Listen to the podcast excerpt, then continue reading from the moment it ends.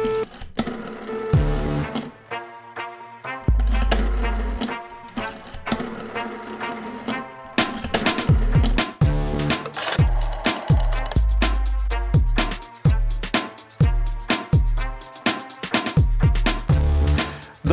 Dobrodošli u još jednu emisiju. Danas ćemo se baviti cenom goriva. Dakle, da pokušamo da dođemo do te čarobne formule na koji način dizel na našim pumpama košta 220 dinara, a benzin 180 dinara i čemu tolika razlika od 40 dinara. Dakle, to su neka od pitanja koje ću ja danas postavljati mom gostu, gospodinu Tomislavu Mićeviću, generalnom sekretaru Udruženja naftnih kompanija Srbije. Dobar dan, dobrodošli. Dobar dan. E pa za početak, ajde da vidimo kako glasi ta formula za cenu goriva na pumpama. Da li je to nešto što je e, tajno ili građani mogu da znaju od 90 dolara po barelu kako mi dođemo do 220 e, konkretno za dizel? E, no, jednostavno, prvo u formuli uopšte ne postoji cena barela nafte. Dobro. Znači, ne, kre, ne kreće se odatle. I druga stvar, nema čaroli, nema čarobne formule koja može na bolji način da reguliše tržište nego što su to tržišni zakoni. Znači, e, formule ili da kažem administriranje na tržištu derivata nafte nije naš specialitet.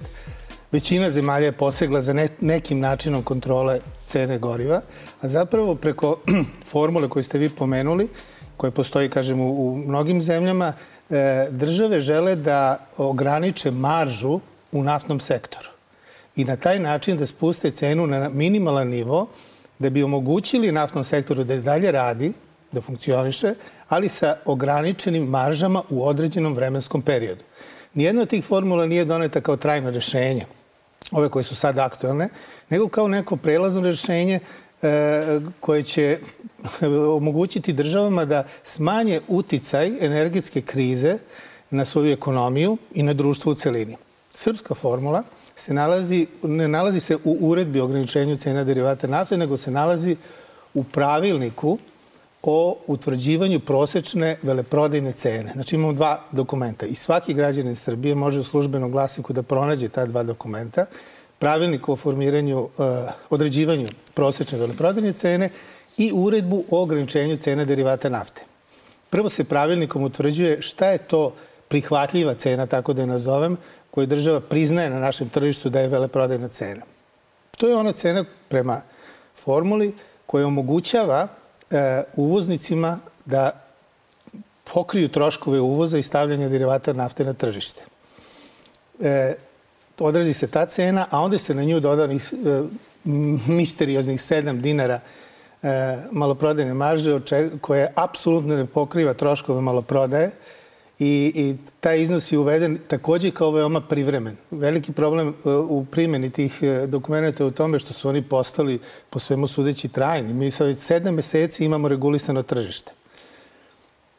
Svakog petka Ministarstvo rudarstva i energetike na osnovu inputa koje dobije od naftnih kompanija određuje koja je to veleprodajna cena koja je prihvatljiva na srpskom tržištu u narednih sedam dana – I u ovoj istoriji, sada nije ta, to, ta situacija, ali u ovih prethodnih mesecima imali smo veliki problem jer nivo te cene je bio određivan na takvom nivou da nije bilo moguće obezbediti uvoz. Zašto stalno govorim uvoz, a mi imamo i proizvođača derivata nafte?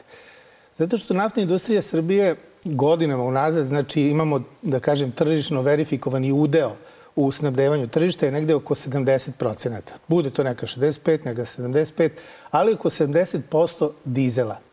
Znači, 30% dizela se uvozi kao gotovo gorivo, ne kao sirova nafta koju ćete Jasne. preraditi. I ukoliko na ovom tržištu, ukoliko vam nedostaje samo par procenata goriva, nastaje kolaps, jer kreće spirala kupovine, napadi da, na pumpe. Nema na pumpama, ajde svi da točimo. I to je onda, znači, dovoljno je da je malo nedostaje da postane veliki problem. Ali ajde da se vratimo na formulu. Dakle, ajde. pokušajte uh, kao u ovako. prvom razredu osnovne škole ili u drugom, svejedno, da kažemo kako se formira Kako dolazimo u, do 220 na, na pumpi? Znači, da bi država priznala, mogu uvoznice da kažu, mene to košta, ne znam, hiljadu. Država kaže, ne, ne, ne, ja prema troškom liku vidim tebe košta 500 nema veze čega, to je do, dolara po, ovaj, e, po toni recimo.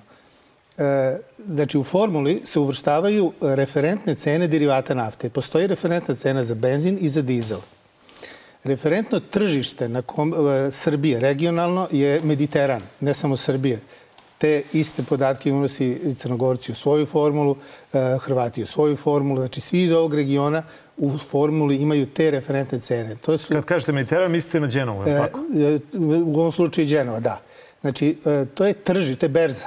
To je berza. Genova nije destinacija utovara, to je berza Dobro. Gde se, koja se trguje, na kojoj se trguje i ona svakog dana izbacuje neke nove cene dizela i benzina kao referentne. Ako ste vi jako velik kupac, a ja jako velik prodavac, ja ću vas proceniti tako da ću vam dati možda i čak i nešto ispod te referentne cene. Ali uglavnom mi to neki plus, plus 5, plus 10, plus 15, plus 20, zavisi. To je neki osnov. E, u, te cene se nalaze u ugovorima uvoznika, da kažem, te, te referentne cene. A onda taj dodatak e, ili premija, kako se to zove, ono se utvrđuje ugovor svake dve strane. Znači, u našu formu se uvrštava ta, recimo, ajde se držimo jednog derivata, referentna cena za dizel, I onda se e, svi ostali troškovi se takođe dramatično menjaju u ovom periodu. E, Aj, ali ajde da napravimo, zašto sve vreme mm -hmm. vraćam na to? Dakle, da bi gledalcima bilo jasnije, ajde da pokušamo to da govorimo u dinarima.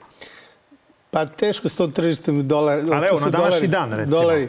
Znači, e, sve se računa, verite mi, ja ne znam. Ili dolarima, sve jedno. Dolari, dolari po toni. To je. Dobro. Znači, pre nastanka energetske krize, dizel se, referenta cena dizela bila 800-900 e, dolara po toni. Sada je 1100, bila je 1300. Znači, jako se promenila ta cena referentna u odnosu na koju ocenjujete kolika će biti priznata cena u Srbiji.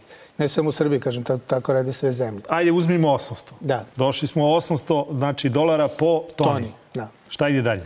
Znači, imate logistiku samo u Luci gde vi to morate da primite to gorivo logistiku luke. Imate transport do Srbije i smeštanje u skladište. Znači, to je tada veleprodajno skladište dostupno, dostupno je dalje za distribuciju na tržištu Srbije. Znači, to se menjalo isto drastično.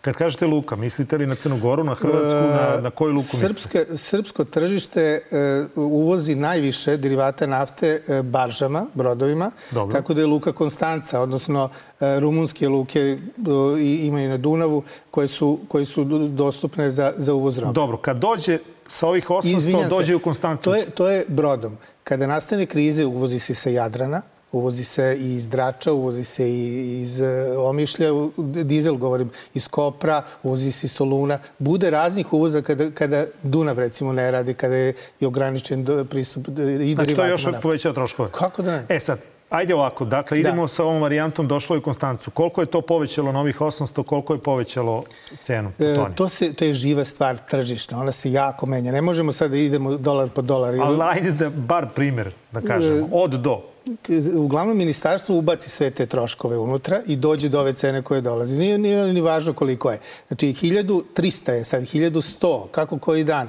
Uzima se pet kotacija pet dizelskih kotacija poslednjih, izračuna se prosek Dobro. i na osnovu njih se dolazi, kažem, do referentne cene. Onda se dodaju troškovi uvoza. Znači, to su zavisni troškovi uvoza se dobijaju tako, to je poverljiv podatak koji dostavljaju svi uvoznici ministarstvu i ministarstvo na osnovu tih poverljivih podataka izračunava neki prosečni trošak uvoza ovamo. I svakog petka Niko to ministarstvo trgovine radi? Svako, ne trgovine, energetike. Energetike, dobro. Da. Svakog da. petka, znači četvrtkom dostavljaju naftne kompanije sve te podatke, svi su dužni i obavezni da to dostavljaju, da bi ministarstvo imalo uvid u promenu i to pod punom uh, materijalnom odgovornošću. Tu podaci nema tu improvizacije.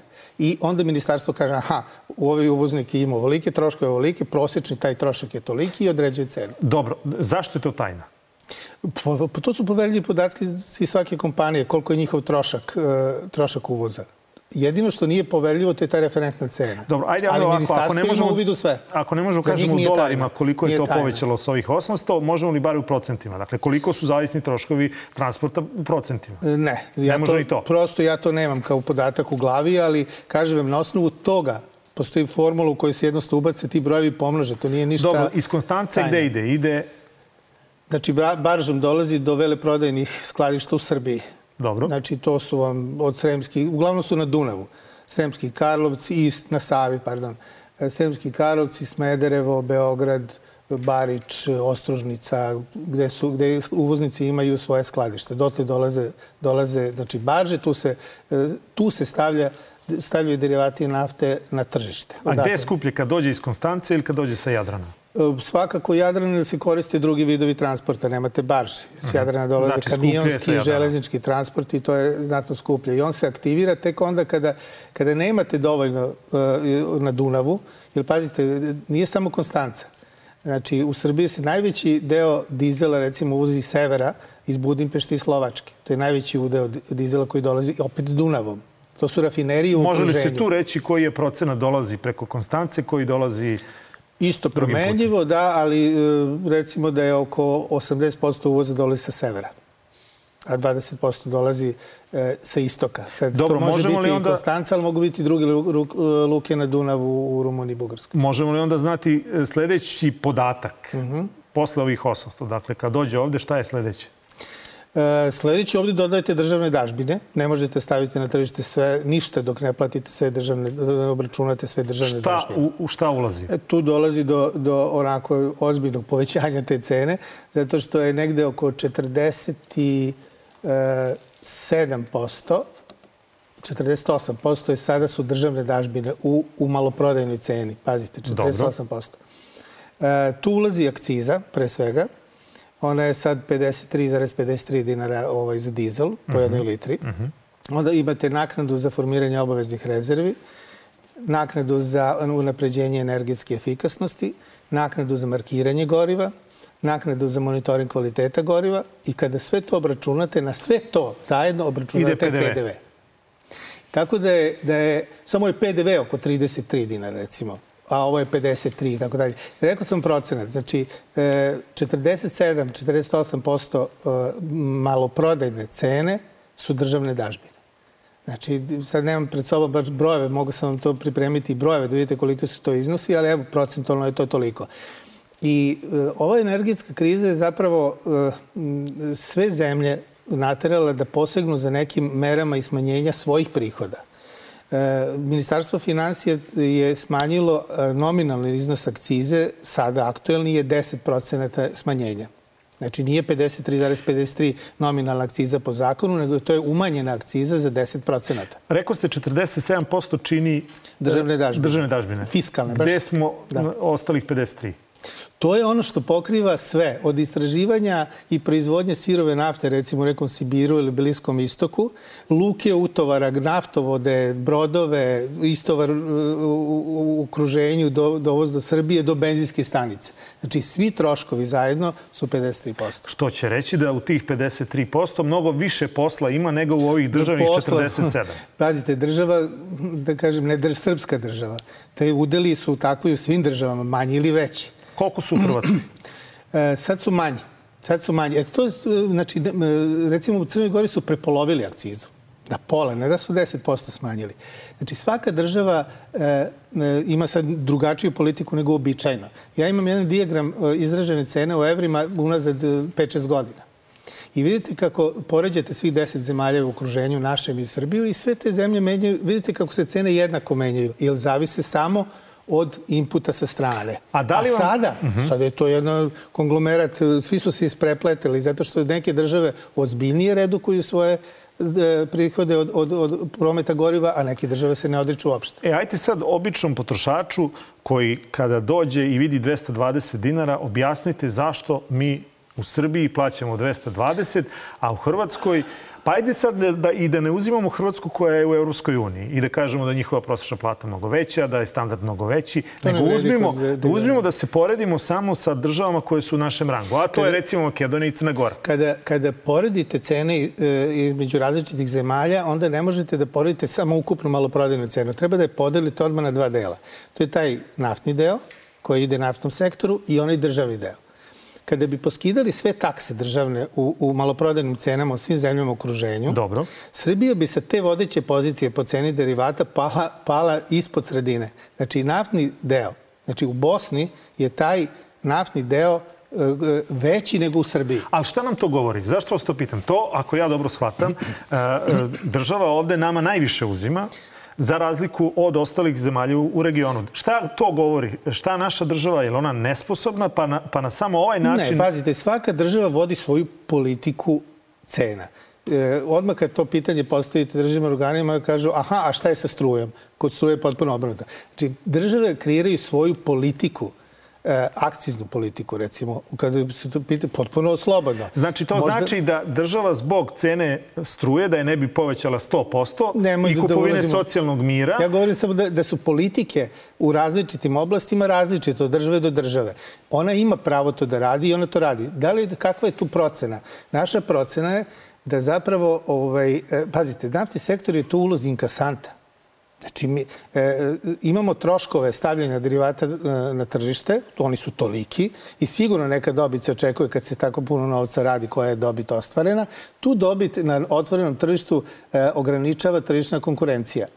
Cilj države svake je da razvije tržišnu konkurenciju kako bi minimizovala da tu dobit, kako bi na tržištu bilo što više derivata sa što manjom ostvarenom dobiti naftnog sektora. I to se odnosi na svaki proizvod, svaki proizvod ne, ne samo na ovaj. Sjetite se mobilne telefonije dok je bio jedan ili dva operatera tek se sve skljokalo kad je došao treći. Ali... Znači, tržišna konkurencija je ta koja reguliše cene. U ovom slučaju sad nije, sad e, određuje država. Kako i mi tržišnoj konkurenciji možemo govoriti hmm. ovde kada imamo jedan nis koji zahvata 70% svega onoga što se dešava Ovako, na, na, na tržištu? Nismo jedini po tome. Znači, e, prvo, e, s, i, i, pazite, u Austriji imate jednu rafineriju, nema dve.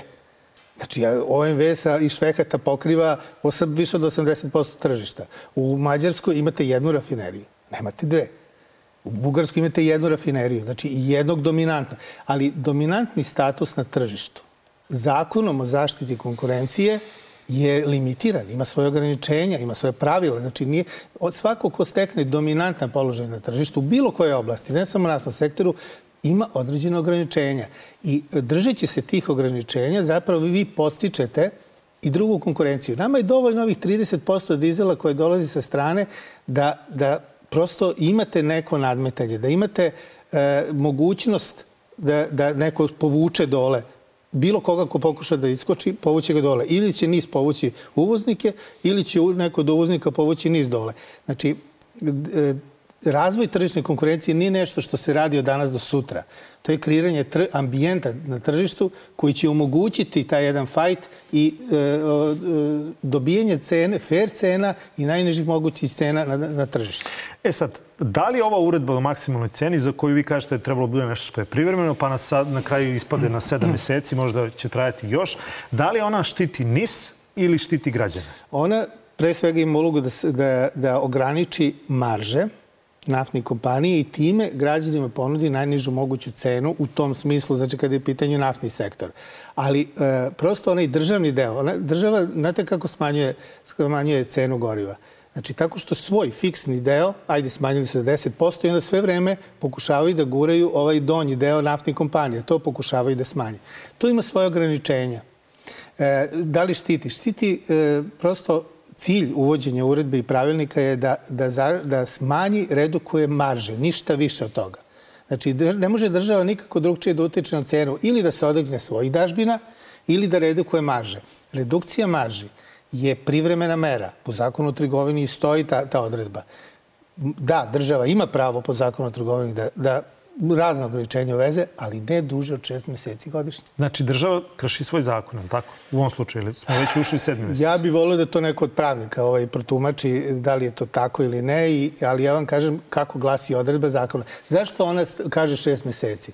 Jer zakon o trgovini pre svega je donet kako bi pospešio e, i liberalizovao trgovinu. Oni oni u funkciji liberalizacije trgovine, a ne ograničenja. E sad, Ali kad... samo izuzetno može ograničenja, ne duže od šest meseci. Kad izađete na TV i kažete smanjili smo akcizu za 10%, to zaista zvuči popularno. Dakle, to je nešto što uh, svakom političaru ide, da. ide u prilog. Ali onda kad zagrebete, onda ako, sad vi me ispravite da li je moja računica mm -hmm. tačna, um, vi ste ograničili maksimalnu cenu goriva, a onda je ispalo da, da više zarađujete na PDV-u koji je 40 dinara na ovih 220, nego da ste ostavili tih 10% akcize i da ta cena goriva bude kao, recimo, ajde da uzmemo, ne moramo ni Bosnu, uzet ćemo Hrvatsku.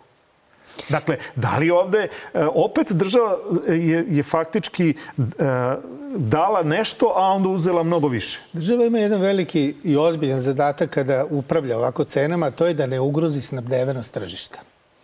Znači, ovo o PDV-u što ste vi govorili, mi stalno ponavljamo to da treba uzeti u obzir ukupan prihod državnog budžeta od prometa derivate nafte, pa samim tim, ako je za toliko povećan prihod po osnovu PDV-a, da bi trebalo razmotriti mogućnost da se za toliko smanji neko drugo zahvatanje i time očuvaju prihodi budžeta kakvi su i projektovani za ovu godinu, ali da se prosto cena na taj način relaksira. Ja opet ponavljam, e, to, nije, to se ne tiče e, naftnih kompanija, ali onog momenta kada država pokušava da niže cene dobija samo napadom na naftne kompanije, onda su, na, na, pazite, jako krupna reč naftne kompanije, ali ovde stradaju i mali, mali. Znate šta se dešava po Srbiji?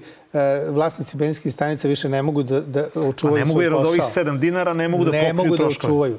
Ne, znači, oni su sad već mesecima pokušavali da pokriju te troškove iz nekih drugih prihoda, iz ličnih prihoda, sredstava kako god. Da li se god. njihov glas čuje petkom kada vi odete u ministarstvo i pregovarate? Nemoguće je da, da Udruženje naftnih kompanija Srbije zastupa principijalne stavove branše, a da ne zastupa i njihove interese. Da, naravno. I šta vam kažu? Naravno da se čuje.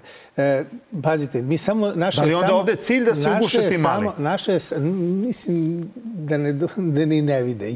Pre bih rekao da ih ni ne vide. Mhm. -huh. Znači, na, naš e, cilj svakako nije ništa nikakav fajt, nikakva borba, nego da im prenesemo informacije s tržišta. Jer ti mali koji polako ulaze u blokade, oni imaju, znate kome oni duguju taj novac? Pa veleprodavcima. Mhm. -huh.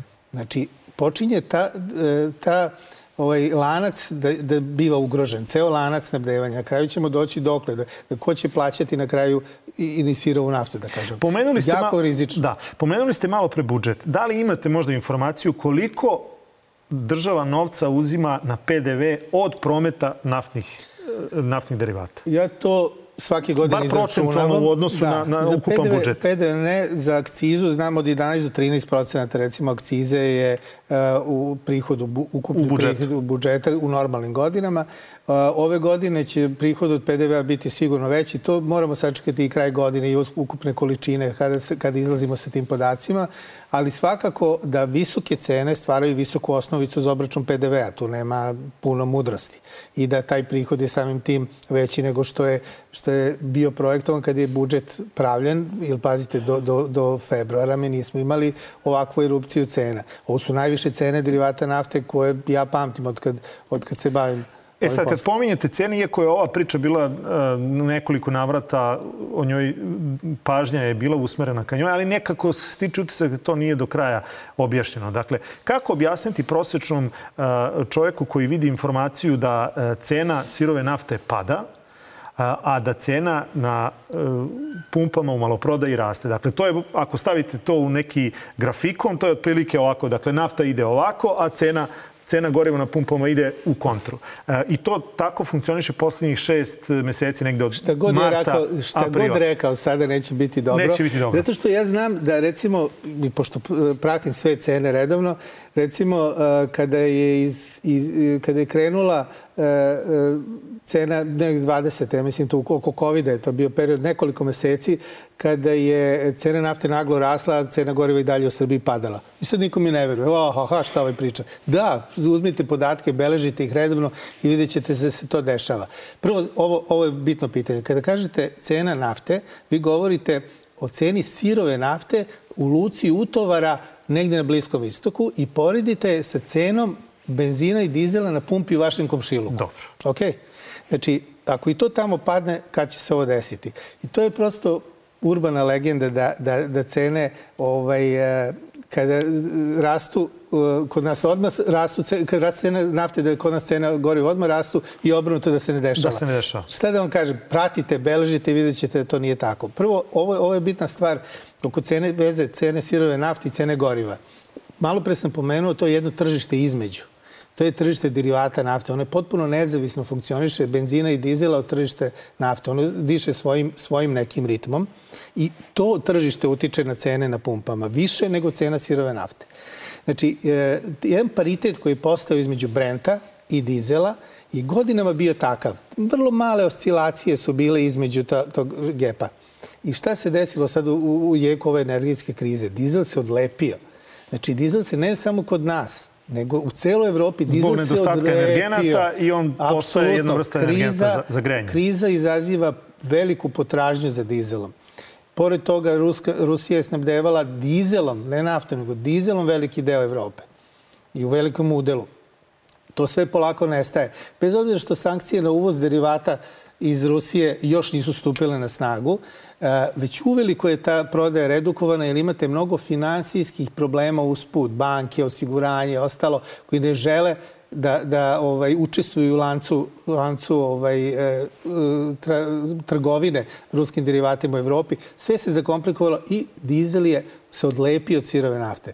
Tako da, da više, evo, bilo je sad prošle nedelje da je sirova nafta ovaj, bila u blagom padu, a dizel rastao. Da li, da li je ova razlika između, kad to pominjete, dizel i, go, i mm -hmm. benzin, da li je ova razlika realna? Dakle, od 40 dinara kod nas? Između dizel i benzina. Tako je. Da, to se desilo i na međunarodnom tržištu se desilo to odlepljivanje. Znači, dizel je otišao gore, benzin nije tako otišao gore. I na tom međunarodnom tržištu se to, to desilo. A kod nas, šta da vam kažem, e, fiskalna opterećenja na dizel su mnogo veće nego fiskalna opterećenja na benzin. Pa počnite i od toga. Ne može, nema šta da, da približi te dve cene kad je fiskal tako različit. A, Uglavnom, pazite, sve ovo što mi pričamo, je potpuno suvišno da tržište funkcioniše u svom najboljem izdanju, da postoji ozbiljna tržišna konkurencija i da to nadmetanje izbacuje cene koje, koje su realne. Onda vi ne ulazite u takve detalje. Kao što ne ulazite u detalje šta se dešava kad stočna hrana pojeftini ili odete odmah u mesaru da kupite jeftinije meso. Pa ne, niti pravite tu relaciju i ko će napraviti. Pravi je tržište pravi je tržište. A kako objasniti e, to što je cena dizela nikad veća, a tražnje ne pada? Da, to je fenomen. Ovaj, ne samo to. Srbije sa, sa 8 meseci smo kumulativno od, od početka godine negde 10% veća potrošnja goriva nego 21. godine, koja uopšte nije bila loša godina. Uh mhm. -huh. To je to je skok koji delo možemo da pripišemo u tom periodu je bilo E, da je u Srbiji bilo gorivo, e, ne znam da ste to zabeležili, da su nam se kupci koji su se snabdevali iz Srbije išli u Bosnu, da ni više nisu odlazili, nije bilo te razlike. Da je u Makedoniji bio benzin čak jedno vreme skuplji nego u, u Srbiji. I da prosto su se ljudi vratili kupovini goriva u Srbiji. To je delom podiglo. Dobro. Međutim, kad pogledate zemlje u okruženju, njima nije pala potrošnja. Znači, ne, oni ne registruju da se ti Srbi vratili. Vrlo je neobično, ne samo u Srbiji, ali potrošnja, e, uvek do sada smo, skok cene goriva je pratila blagi pad potrošnje. Govorimo o prethodnim godinama. Ovo Sada to godine, nije slučaj. O, cena nikad veća i potrošnja raste. Jako neobično. Mislim, još ćemo na tome raditi da objasnimo šta da li to, to kada, desilo. kada petkom odete u ministarstvo, da li ovo sad ovu rečenicu što ste izgovorili, da li to oni koji odlučuju uh, uzimaju u obzir? Jer uh, svako ko odlučuje o tom korektivnom faktoru, ili tako i korektivni faktor je deo ove formule. Jest. A taj korektivni faktor je očigledno nečija odluka e, One, proizvoljna ili ne, ona ima neku svoju formu? Korektivni faktor je trebalo da služi u početku, zato je uveden, da bi uvažio te promene zavisnih troškova one koje smo pominjali, zavisni, oni isto su ludovali, zavisni troškovi su bili ovaj, turbulentni, menjali su se turbulentno, pa je korektivni faktor uveden da bi oni mogli E sad ne bi da, da baš ovaj, polemišemo sa, sa ovako, pošto nema nikog da odgovori, ali korektivni faktor je znao da se i izlupotrebi u smislu da je spuštena cena ispod cene koja pokriva troškove stavljanja goriva na tržište. Znači, I ko to imali, plaća? Imali smo taj period i onda ste uh, direktno ulazili u budžete, male benzinske stanice, veleprodavce i tako dalje.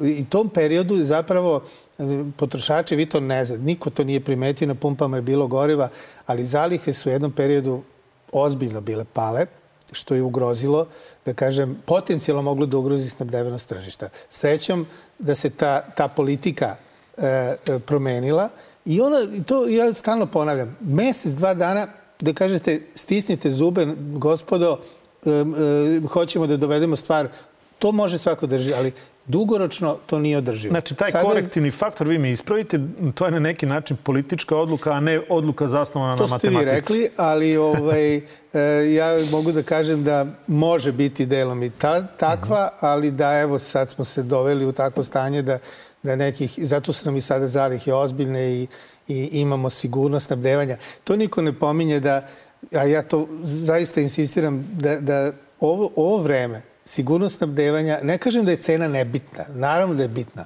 ali najgore kad nečeg nemate. I ovo su godine, ova godina je takva da je bitno da kažemo da je sigurnost snabdevanja dobra, da imamo goriva, da ga imamo. Ona može biti ugrožena već sutra, jer ti rizici se toliko gomilaju da te ne može da predvidite. Pomenut ću samo recimo da, je, e, da se Ukrajina nikad nije iz te konstance snabdevala velikim količinama dizela. Uvijek je to išlo preko Poljske, Ukrajina ima ogromne svoje rafinerije, ima, baš je, malo se oslanja na Crno more. Odjednom, iz te konstance 90% derivata je išlo u Ukrajinu. Nismo, nismo mogli mi da dođemo, ne mi, nego svi koji su usmereni na to tržište nisu mogli da dođu do, do goriva, odnosno cene su bile previsoke. Sad, kad kažem cene, mislim na odnosno na referentnu cenu taj dodatak. Mm -hmm. Tu je u Konstanci bilo recimo plus 5, plus 10, skočilo je plus 40, plus 50. To, je, to su ogromne razlike. Evo, to je primjer kako je uletela Ukrajina. Onda, recimo, četiri meseca je stajao Švehat, rafinerija u Austriji, zbog havarije. Znate šta su oni prvo uradili? Poslali brodove dole niz Dunav, donosite nam derivate koje god možete. I oni su e, iz Konstance vukli u Ukrajinu derivate nafte. To je regionalna crna rupa, tako da kažem. Austrija je odjedno morala da se snađe. Oni imaju fantastične državne rezerve. Povukli su čak deo rezervi iz Mađarske, aktivirali ih i time potrošači u Austriji ništa nisu osetili. Posle četiri meseca rafinerije počela da radi uh -huh. i to je rizik, kaže, poremećaj koji se desio regionalno i oni sad vraćaju te zalihe nazad, pune, pune nazad. Pominju se te zalihe u Mađarskoj. Koliko Srbija ima tih zaliha? E, mi smo 2014. uveli naknadu za formiranje obaveznih rezervi, pomenuo sam je ovde u okviru ovih državnih dažbina.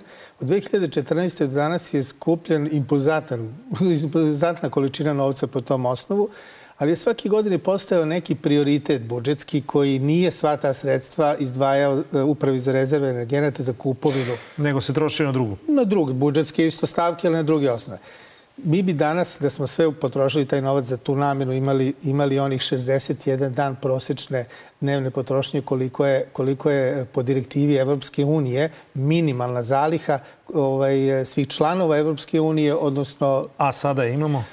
A, sad zavisi koga pitate, šta pitate i tako dalje. Ovaj, imamo, nije to ni blizu tog nivoa, 61 dan, ako uzmemo samo taj segment. Međutim, Bar pola. E, država, država ovaj, e, kad izlazi sa, sa stanjem zaliha ovim kriznim vremenima, onda sabiri neke druge zalihe.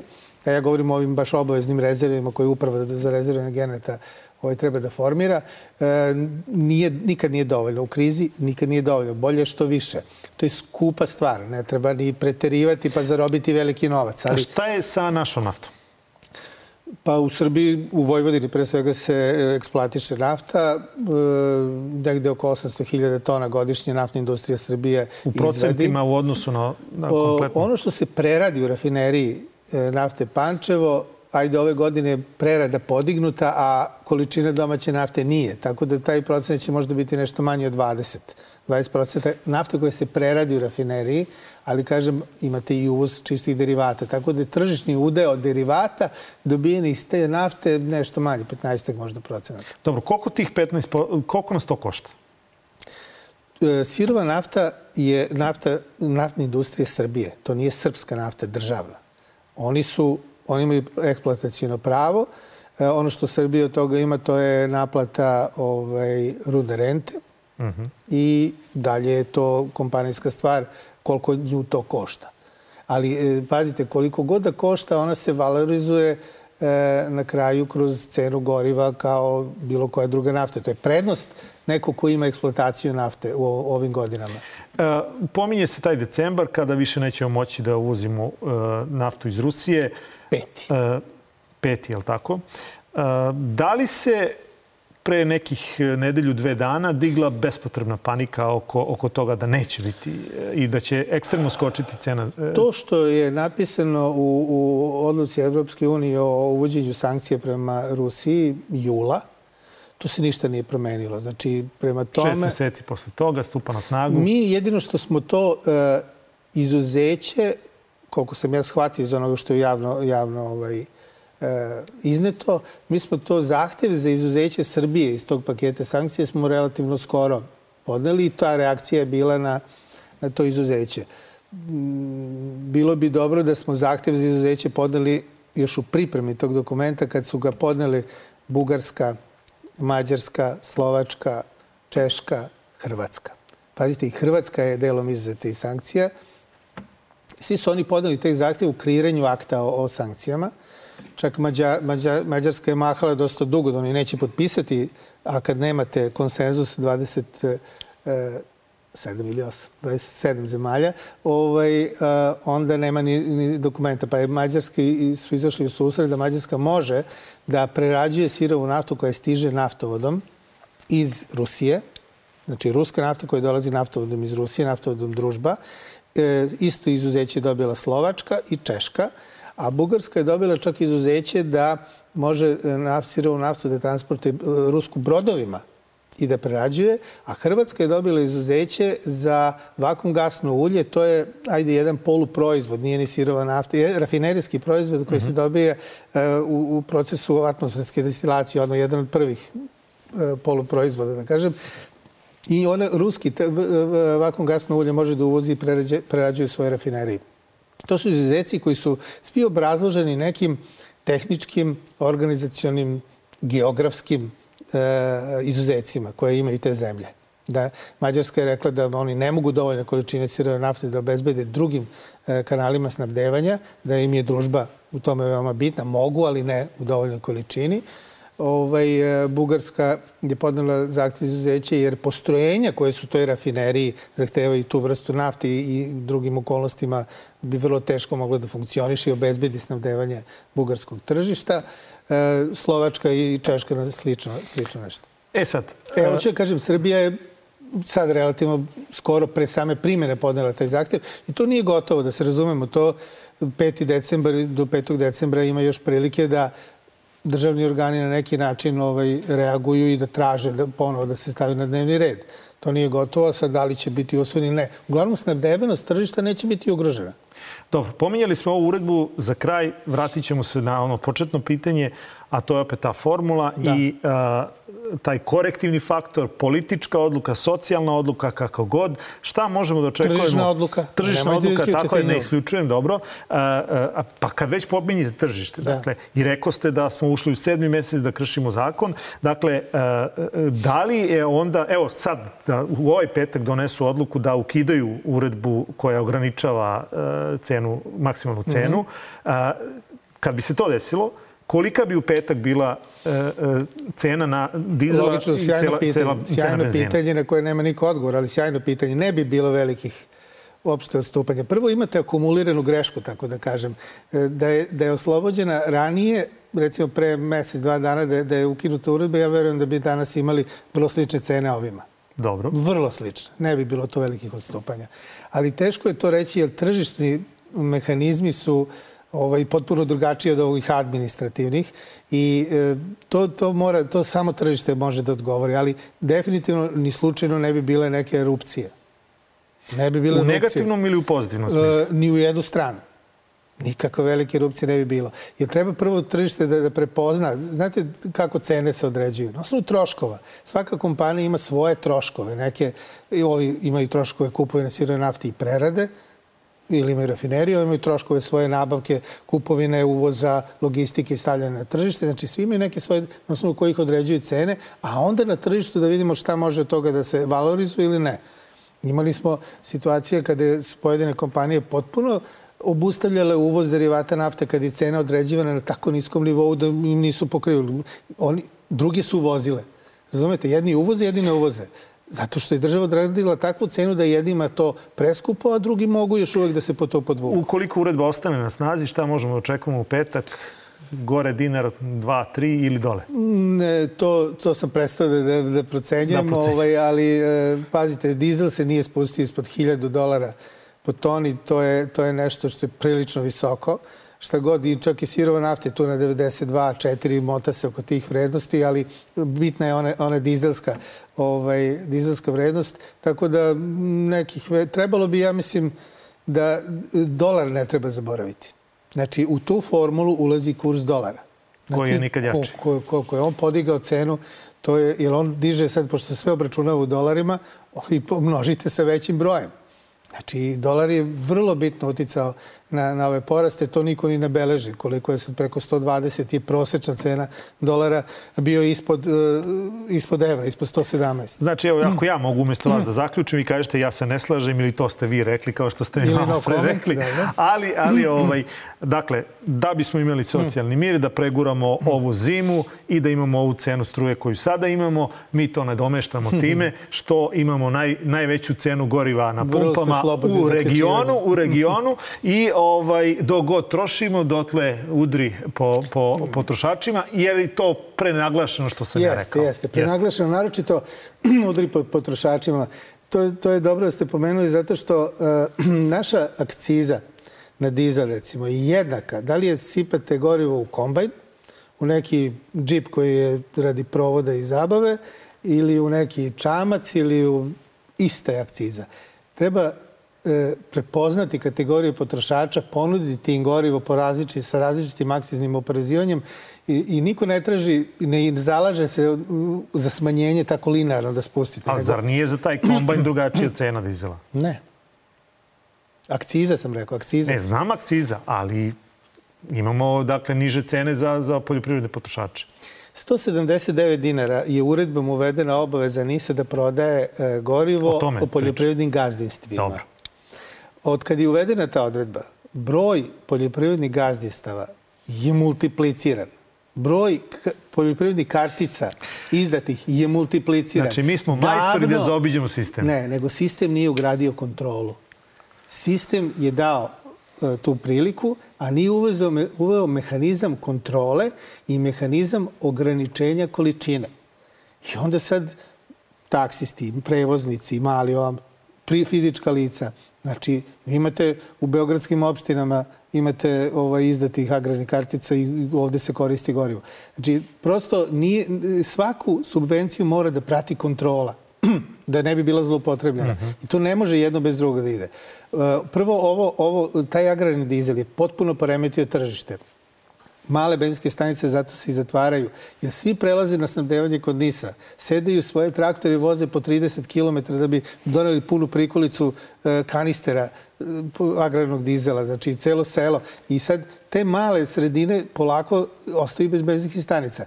Potpuno, čak i veliki su ostali bez dela prihoda i prometa. Zato što se promet celi na, na, na, trž, na pumpe naftne industrije Srbije, koja sigurno nije vesela da prodaje po cenama od 40 dinara niže. Ja ne bih procenjivo sad da li su oni tu u minusu ili nisu, niti bitno. Ali A o koje količini govorimo, bar procentualno, ko, tog? To se menja sad iz meseca u mesec, kako kada, ali to je značajna količina. Zna da bude i 800.000 litara na dan i milion litara na dan. Mislim, bude, bude oscilacija, ali to su baš Sad, e, davno su potrošene količine koje poljoprivreda potroši u toku cele godine. Kad kažete milion dinara na dan? E, litara. Litara, Ali, e, to, koliko je ukupno na dan kompletna potrošnja? Imate li taj podatak? Čisto da ljudi znaju koji je odnos tog agrarnog dizela. Znate šta, nemam, nemam taj podatak sad ovako iz glave, ali treba da znate da najveće površine u, u, u Srbiji se ne obrađuju uopšte kupovinom goriva E, na maloprodajnim objektima. Dobro. Ovi što imaju po 3-4 hiljade hektara, oni kupuju veleprodaje po ovim visokim cenama i preko svojih internih benzinskih stanica snabdevaju svoje radne mašine. Oni nemaju vremena da idu s kanisterama 60 mhm, litara. Mm -hmm, mm -hmm. A pazite, potrošena količina goriva je, govorimo o ukupnom agrarnom za poljoprivredu je već otišla preko 179 dinara. To je tako jedna anomalija koja unosi poremeće na celom tržištu. Razumete, sad imate vi e, kupci, oni koji kupuju od NISA u veleprodaji, imaju neke obavezujuće ugovore. I oni su dužni da povuku te količine A kome da je prodaju kad, oni, kad njihovi kupci odlaze na nis? Znači, dalje se ruši. To su sve neki poremeći koji potrošače ne zanima, ali vrlo su ne, neprijatni za, za celo tržište koje u ovom administri... Pazite, ne mislim da je država htela da napravi problem tržištu. Ali ne postoji način da vi administrativnim merama uradite nešto, a da ne narušite tržišnu strukturu kao što je sad narušena. Ne može. Znači, prosto ne, nema te administrativne filigranske mere koje će na taj način da upravlja tržištem, a da ga ne sruši. Ne može. I to se, to se prosto dešava i u Srbiji. Gospodine Mićeviću, hvala vam puno na... Mislim da je sad dosta jasnije, dosta tema smo Jeste prešli. sigurni? Pa, mo, bit će prilike ovaj, da dođete Ja se ponovo. nadam. Da. Eto, znači, tržište će biti bar e, kroz zimu snabdevano. To nam je bitno. Da, to je vrlo važan podatak. Mi dizela, benzina imamo dovoljno, znači bez, bez problema. Ovaj... Cena neće padati, to je moj zaključak, dok god trošimo onoliko koliko trošimo. Hvala još jednom. Moj današnji gost bio Tomislav Mićević, generalni sekretar Udruženja naftnih kompanija Srbije. Broj telefona otvoren za vaše pitanje, za vaše, nametnite i vi vašu temu. E, 069 893 0023. Pišite na Facebook, Instagram i Twitter mrežu Pitajte Đuru ili vaše pitanje pošaljite na e-mail adresu pitajteđuru.nova.rs.